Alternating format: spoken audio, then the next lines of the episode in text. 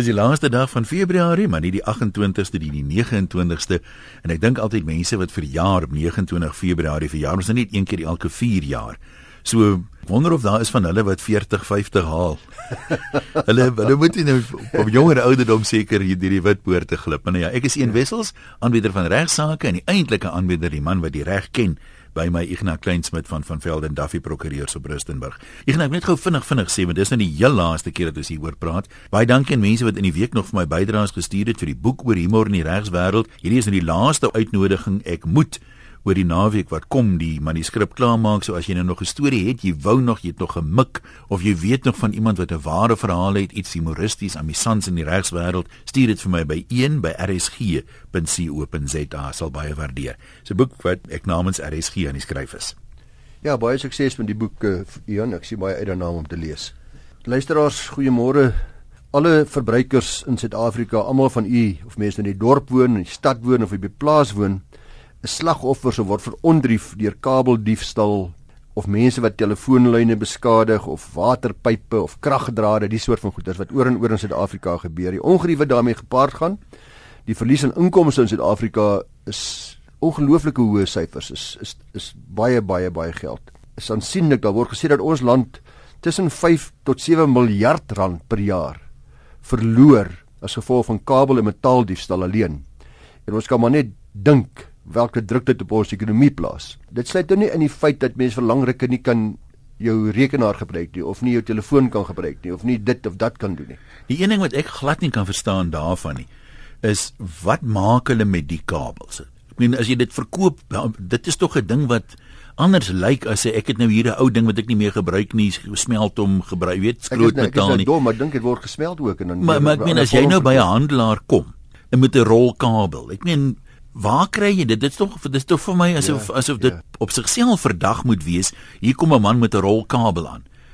Nee, maar onthou dis syndikaate, nee, dit is uh, die die die, die ou wat dit gaan smelt is deel van die ja. van die diefstal. Hy stuur die mense met 'n kanaal en hy is die ou wat weer dit gaan verwerk na 'n hele hele syndikaat wat hierdie ding kan bedryf. Anders soos jy doen hom reg, anders kan dit nooit werk nie. Munisipaliteite en in instansies soos Eskom, Telkom, daai mense is almal kan getuig dat hoe, hoe massiewe hoeveelhede van hulle infrastruktuur word vernietig deur diefstal. Volgens 'n koerantberig wat ek gelees het, is 197 ton koper net ja. in April 2015, net 1 maand, gesteel vanaf Eskom, Telkom en Transnet. Van daai drie instansies gesamentlik 197 ton koper in 1 maand, April 2015.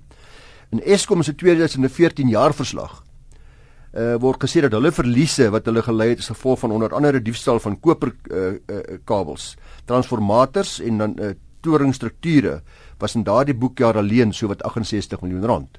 Dit is maar een maatskappy. Nou die goeie nuus is en dis eintlik wat ek by wil uitkom. So daar nou 'n wetsontwerp die lig gesien het. En hierdie wetsontwerp moet nog deur die nasionale raad van provinsies goedgekeur word en dan deur die president onderteken word.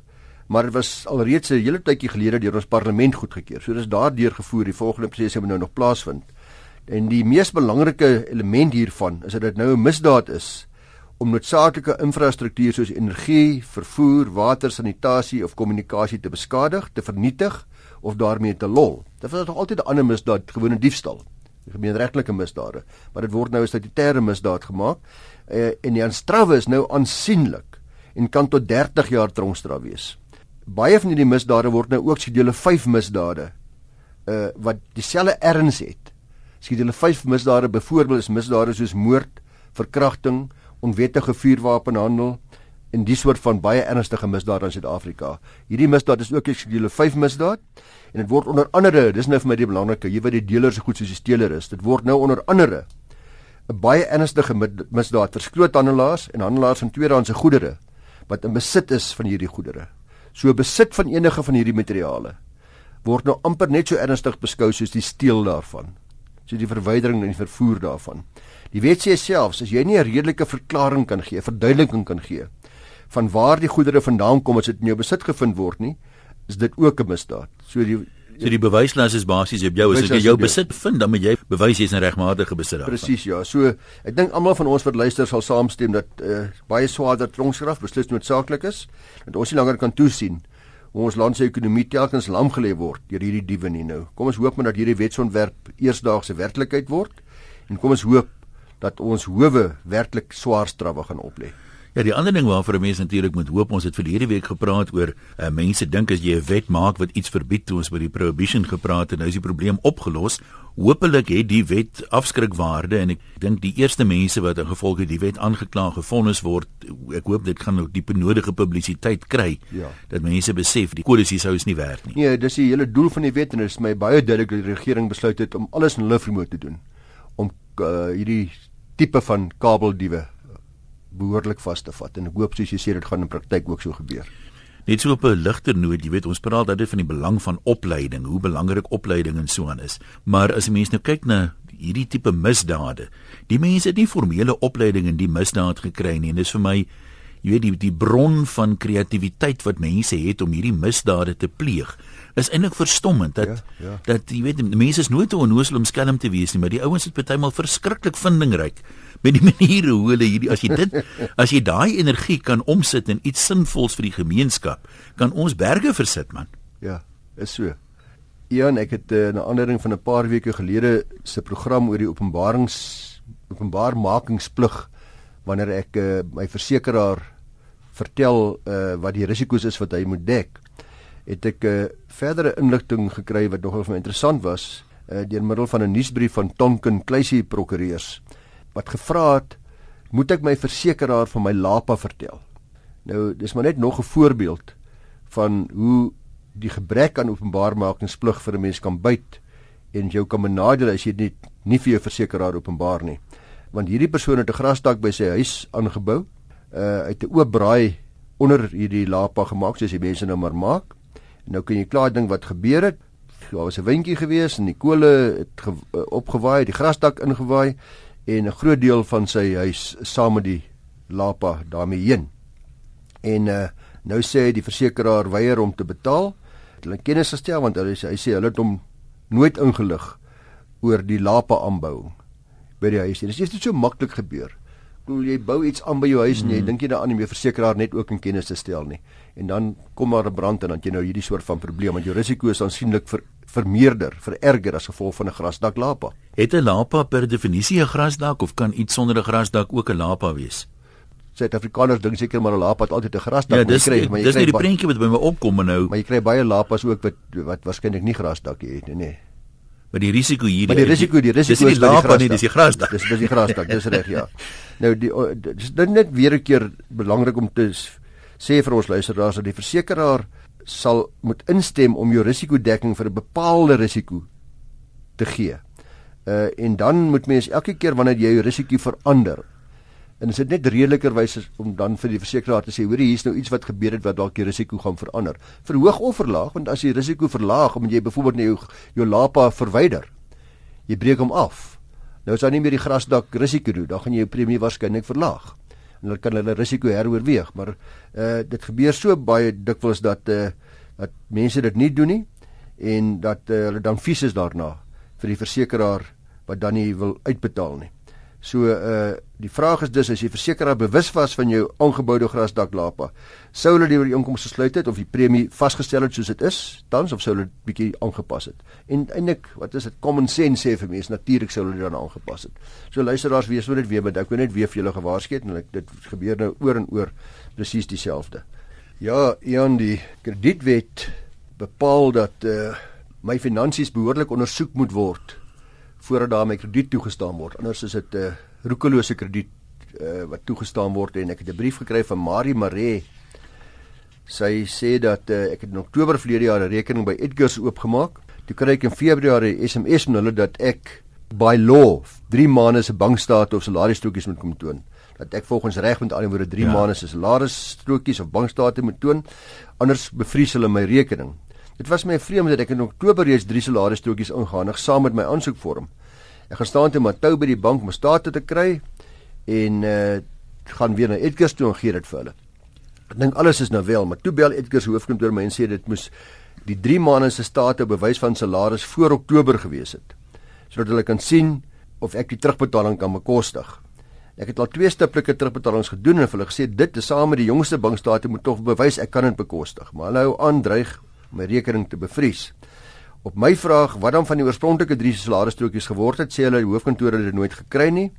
Uh, al hierdie tak het hulle voor my per e-pos gestuur en het hulle die kredietperk daarvolgens vasgestel. Toe ek vir hulle sê dan is die enigste oplossing mos dat hulle ouditeure of inspekteurs dit seker op uh, opgetel het en dat hulle die goed self verloor het.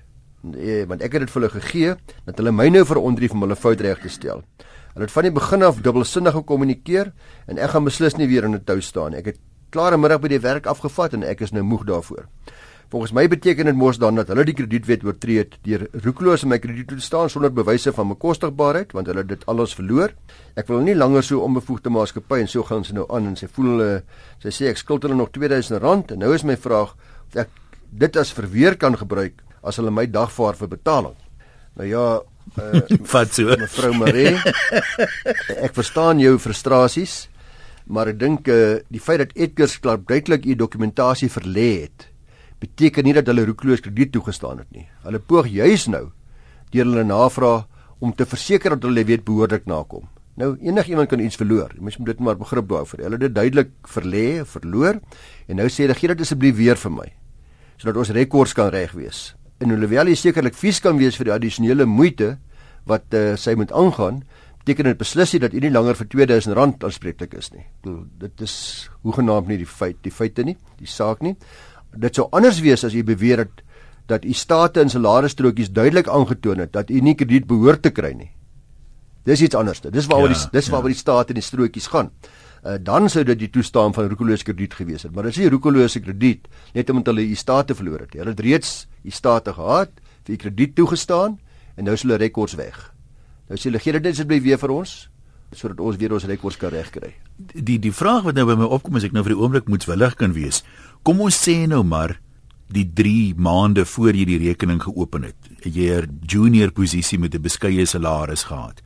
Maar in Desember maand kry jy nou 'n verhoging, jy word aangestel as bestuurder en die state wat jy nou voorlê reflekteer 'n salaris van 8.10000 rand 'n maand meer.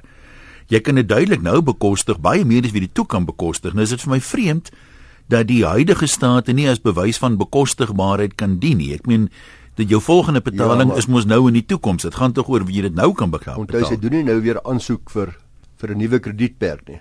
Jy sou reg wees daarom sê ons kan jou nou meer krediet gee. Al wat nou gebeur het hierso is en is duidelik vir my uit, uit haar brief uit. Hulle is nog steeds sy wil nie vir meer geld hê nie. Sy betaal nog steeds ja. sy reeds stiptelik betaal. Hulle het net hulle rekords wat hulle reg kry. Uh soos wat dit was op die stadium toe dit goedgekeur was. Want dis die datum waarop bepaal geword het waar roekelose krediet toegestaan is al dan nie. Nou is hulle rekords weg. Maar jy's reg, as mens natuurlik nou uh, verandering in jou situasie het, dan moet jy kan jy weer van dan moet jy weer van voor af geëvalueer word. Dan kan jy sê ek wil 'n groter kredietperk hê of ek kan nie meer krediet bekostig nie. Sommige, ek weet nie hoe wat hoe banke se interne reëlings werk nie, maar soms is dit maklik om state vir die laaste 3 maande te kry, maar as jy sekere tyd terug aan geskiedenis, dan is dit duur, is 'n paar rand per bladsy.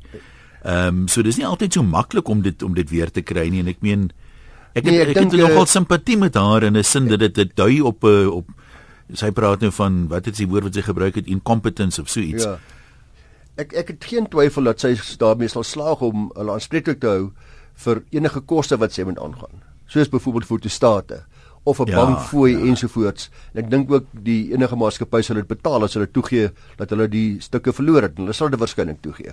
Uh want dit is nou maar klein geld in verhouding in vergelyking met wat uiteindelik die probleem hierso is. Want wat ons wel nou moet vir mekaar vra is wat is dan nou die reëls van toepassing op die stappe wat geneem moet word om die bekostigbaarheid van 'n lening aan 'n applikant te bepaal. Nou die nasionale kredietreguleerder het in die kredietwet 34 van 2005 hulle bes probeer om reëls daar te stel om te verseker dat ons as verbruikers teen onsself beskerm word wat ons besteding betref en dat ons net moet kan bestee wat ons kan bekostig. Maar terselfdertyd wou die wetgewer ook verseker dat gierige en gewetenlose handelaars aan die kaak gestel word dat hulle in sekere omstandighede nie vanaf 'n verbruiker geldelik kan verhaal nie. Maar die probleem was egter dat die aanvanklike kredietwet baie vaag was. Onder andere was daar geen definisie van die redelike stappe wat die verskaffer moes neem om die finansiële posisie van die verbruiker te bepaal nie. Daar was ook 'n vaagheid oor die strawwe vir nie nakoming. En gelukkig het 'n nuwe kredietwysigingswet die lig gesien. Dis uh, hier in 2014, wet 19 van 2014 wat van toepassing is nou al vir langer as 'n jaar van die 13de Maart af 2015. Dis omtrent nou 'n jaar.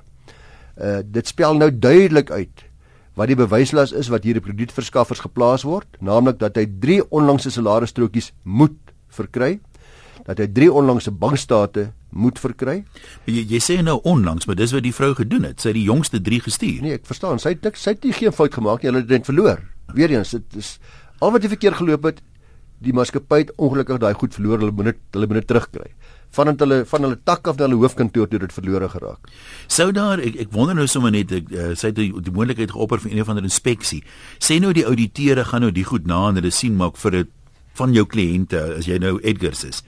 Kan jy nie die goed wys nie? Is daar een of ander sanksie wat in 'n auditverslag vervat sal word en sê maar julle het nie noukeurig al die goed bymekaar gemaak soos jy moes nie of bewaar soos jy moes nie. Ek dink dis waarskynlik presies wat hier gebeur het. Wie ook nogal die goed reguleer het vasgestel dat hier is krediet toegestaan en die nodige dokumentasie is nie daar nie. Ja. En dis toe hulle nou kom en sê hoorie asseblief sien dit net weer vir ons.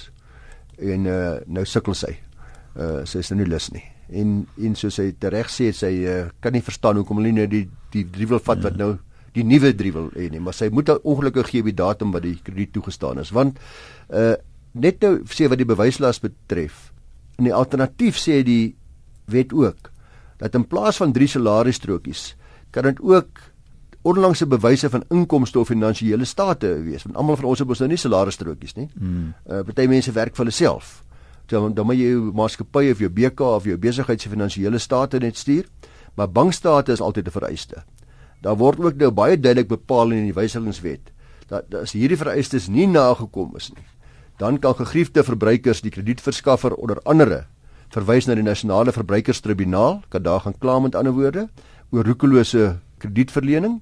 En uh, dis is ongelukkig sodat verbruikers maar die frustrasie moet ervaar uh Ion en, en, en ongelukkig Marie ook van baie meer dokumentasie wat vereis word. Uh maar dis nodig om te verseker dat daar nie uitbuiting plaasvind deur roekelose kredietverskaffers nie.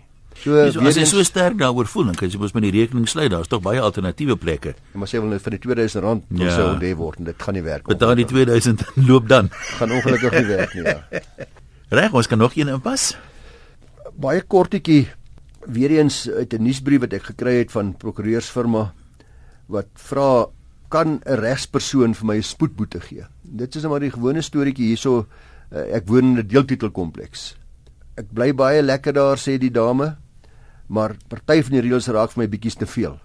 Ek het 'n spoedboete in my heffingsrekening ontvang omdat ek vinniger as 35 km/h binne die kompleks gery het. Die bestuur van die deeltitelkompleks kan sekerlik nie spoedboetes binne die kompleks begin uitreik nie. Hoe het hulle dit bepaal? So ja, gaan jy meter of iets gewees of laser? Die antwoord van Barry Botha in Breitenberg ingelyf is sê ja, die wet op deeltitels maak voorsiening vir twee stelle reëls en ek het dit ook al op hierdie program bespreek twee stelle reëls om deeltitelskemas te reguleer, naamlik bestuursreëls en gedragsreëls. Nou in hierdie geval is die gedragsreëls waarskynlik relevant en word dit uh, dan nou deur hulle bespreek. Die gedragsreëls se fokus is oor die algemeen om die dag tot dag gedrag van die eienaars en inwoners van die deeltiteleenhede in 'n skema te reguleer. Die reëls verseker dat eienaars en inwoners 'n nie eenhede gemeenskap of, uh, of gemeenskaplike eiendom op so 'n manier gebruik dat dit inbreuk maak op ander mense se reg om hulle eenhede in die gemeenskaplike eiendom te gebruik en te geniet nie. Die regspersoon het dienooreenkomstig die mag om reëls te maak vir spoedbeperkings binne die deeltitelkompleks. Dit gaan met my genieting en jy net daar rondjaag en te kere gaan en veiligheid van kinders en daai dinge. Uh en sodanige beperkings dan ook met boetes af te dwing. Uh wat belangrik is is dat hierdie reëls nie afdwingbaar sal wees as dit nie ingesluit is in die gedragsreëls van die skema nie, sê Barry Boot aan Bruitenberg. Om afdwingbaar te wees, moet hierdie reëls redelik en billik wees, eenvormig toegepas word op alle eienaars en inwoners in die kompleks, opgestel en goedgekeur word deur 'n spesiale resolusie van die regspersoon en geleaseer word by die akteskantoor om bindend op die regspersoon te wees. Sodra dit gedoen is, sal 'n reël wat dan lui dat dit 'n oortreding is om vinniger as 35 km/h te ry en met 'n boete strafbaar is afdwingbaar wees. Indien hierdie gedragsloos uitser nie voorsiening maak vir sulke boetes nie, kan die boete nie afgedwing word nie. Nou om te bepaal of die gedragsreëls van jou deeltitelkompleks voorsiening maak vir sulke boetes, kry jy afskrif van die gedragsreëls by die regspersoon of laat jy prokureur 'n afskrif daarvan by die akteskantoor aanvra. Nou, dis natuurlik 'n ander saak as jy dit reg gemeld het, Ian, hoe bewys hulle dat ek 45 of 50 of 60 km/h gery het? En ek moet sê dit gaan 'n baie moeilike bewyslas wees. As hulle nie behoorlike uh apparaat het en jou gevang het op bewyse wat vir die hof aanvaarbaar is nie, is ek bevrees ek kan dit moeilik voorsien dat uh hulle gaan slaag daarin om net te sê maar ek kan sien jy ry te vinnig. Dit gaan nie werk nie ander woorde ja. uh, ek het by bestuurder bepaal dat jy te vinnig ry die of die of die voorsitter of wat ek nog dit mag wees. So daar's met altyd 'n korporaal op daai body. Ek so, dink ek so, dink sodra die die persoon dit uh, opponeer en sê ek gaan dit nie betaal nie. Julle behalwe julle as julle bewys hoe vinnig het ek gery, dan uh, gaan die turf 'n bietjie sit. Die ander lastige ding dink ek uit 'n praktiese oogpunt uit sit nou gepraat van of hy van 'n heffingsrekening wat die goed nou by is nou wys in hulle boeke volgens hulle kant van die saak gaan dit nou wys as jy dit nie betaal nie maar jy's nou agterstallig wat weer allerlei ander sanksies dalk kan hê of 'n invloed kan hê op jou genietinge jy weet en invorderingsmoontlikhede ek weet nie as ek nou reg verstaan dan sê ons nou met ander woorde dit is foutiewelik daar geplaas. Jy moet eers bewys voor jy dit kan verhaal. As jy nou sê jy ontken dit jy te vinnig wat gaan gebeur in praktyk is natuurlik is hulle gaan dit net doodeenvoudig verhaal totdat jy dit opponeer want as hulle elke keer moet hof toe gaan en bewys dan is natuurlik is dit 'n sinnelose oefening. Dan gaan almal rondjag na hartelus. So ek dink jy gaan tokkere 99 en 100 mense gaan dit betaal omdat hulle besef ek het te vinnig gery. Uh, en ek het oortree. Maar as die 100ste ene wat jy hof toe vat wat elke keer vir jou groot probleme gaan veroorsaak. Die die die, die hele kwessie van samewerking en meewerking in 'n deeltitel kompleks is van ongelooflike groot belang. Want as almal die heeltyd elke reeltjie toets en wil bevraagteken, dan gaan ons nie die genieting hê wat die deeltitelwet graag vir ons daar wil stel nie. Hierdie spesifieke reeltjie gaan net ongelooflik moeilik wees om te bepaal of dit 36 km/h was of 56 en of dit werklik oortree was al dan nie. Baie baie probleem problematies. So maar die dat, die praktiese oplossing sou moet wees om vir hulle 'n brief te skryf en te sê jy weet jy ontken dat jy te vinnig gery het, jy betaal al die ander goed, maar hierdie ja. hierdie moet hulle maar bewys anders gaan jy dit nie betaal. Dis wat gaan gebeur. Maar dit versier partymal nou ook maar verhoudinge as jy mense nou jy ken die mense, dis jou buurman dalk wat nou daar ja, sit. Dis die punt wat ek maak as jy as jy in 'n groep mense saam woon waar jy op mekaar aangewese is en jy's jy's jy's 5 3 meter van mekaar se voordeure af weg, dan moet 'n mens maar met 'n gesindheid van samewerking. En dan moet mens ook besef dat as ek dalk te vinnig gery het, dan moet ek maar daarvoor beboet word. As ek voel dat ek dit werklik nie te vinnig gery nie, sê 'n ander saak. Hmm. Dan gaan ek nie betaal om billike boete betaal wat op my gehef is eensydiglik en uh, uh sonder arbitrêr sonder dat ek die reg gehad het om my te verdedig nie. Maar nou weer eens, daai verdediging gaan vir jou vir baie meer kos. Dis wat boete, ons, ja. dit moet ons almal boetekaartjies kry. En nou wil jy besluit moet ek nou R500 moet ek nou hof toe gaan 'n dag by die werk afvat en dalk 'n tweede dag en 'n deskundige getuie kry wat vir my 'n paar duisend rand gaan vra om te bewys dat die die die die skaal nie gekalibreer was of hierdie spesifieke uh, apparaat nie behoorlik gefunksioneer het nie. Daai soort van goeders nie. Deskundige getuienis en uh, op al hierdie dinge, op al hierdie soort van sake is noodsaaklik want jy moet bewys dat die apparaat apparatuur goed gewerk het of nie goed gewerk het nie aan weerskante. En om dit te doen ter wille van 'n R100 boete of R200 boete is vir niemand die moeite werd nie. Bitterselde. So prokureur sal gewoonlik vir hulle kliënte aanraai wie wat terwyl van die vrede en die rus jy het 'n keuse. Of jy uh, daar is eintlik nie wenners nie behalwe die prokureur.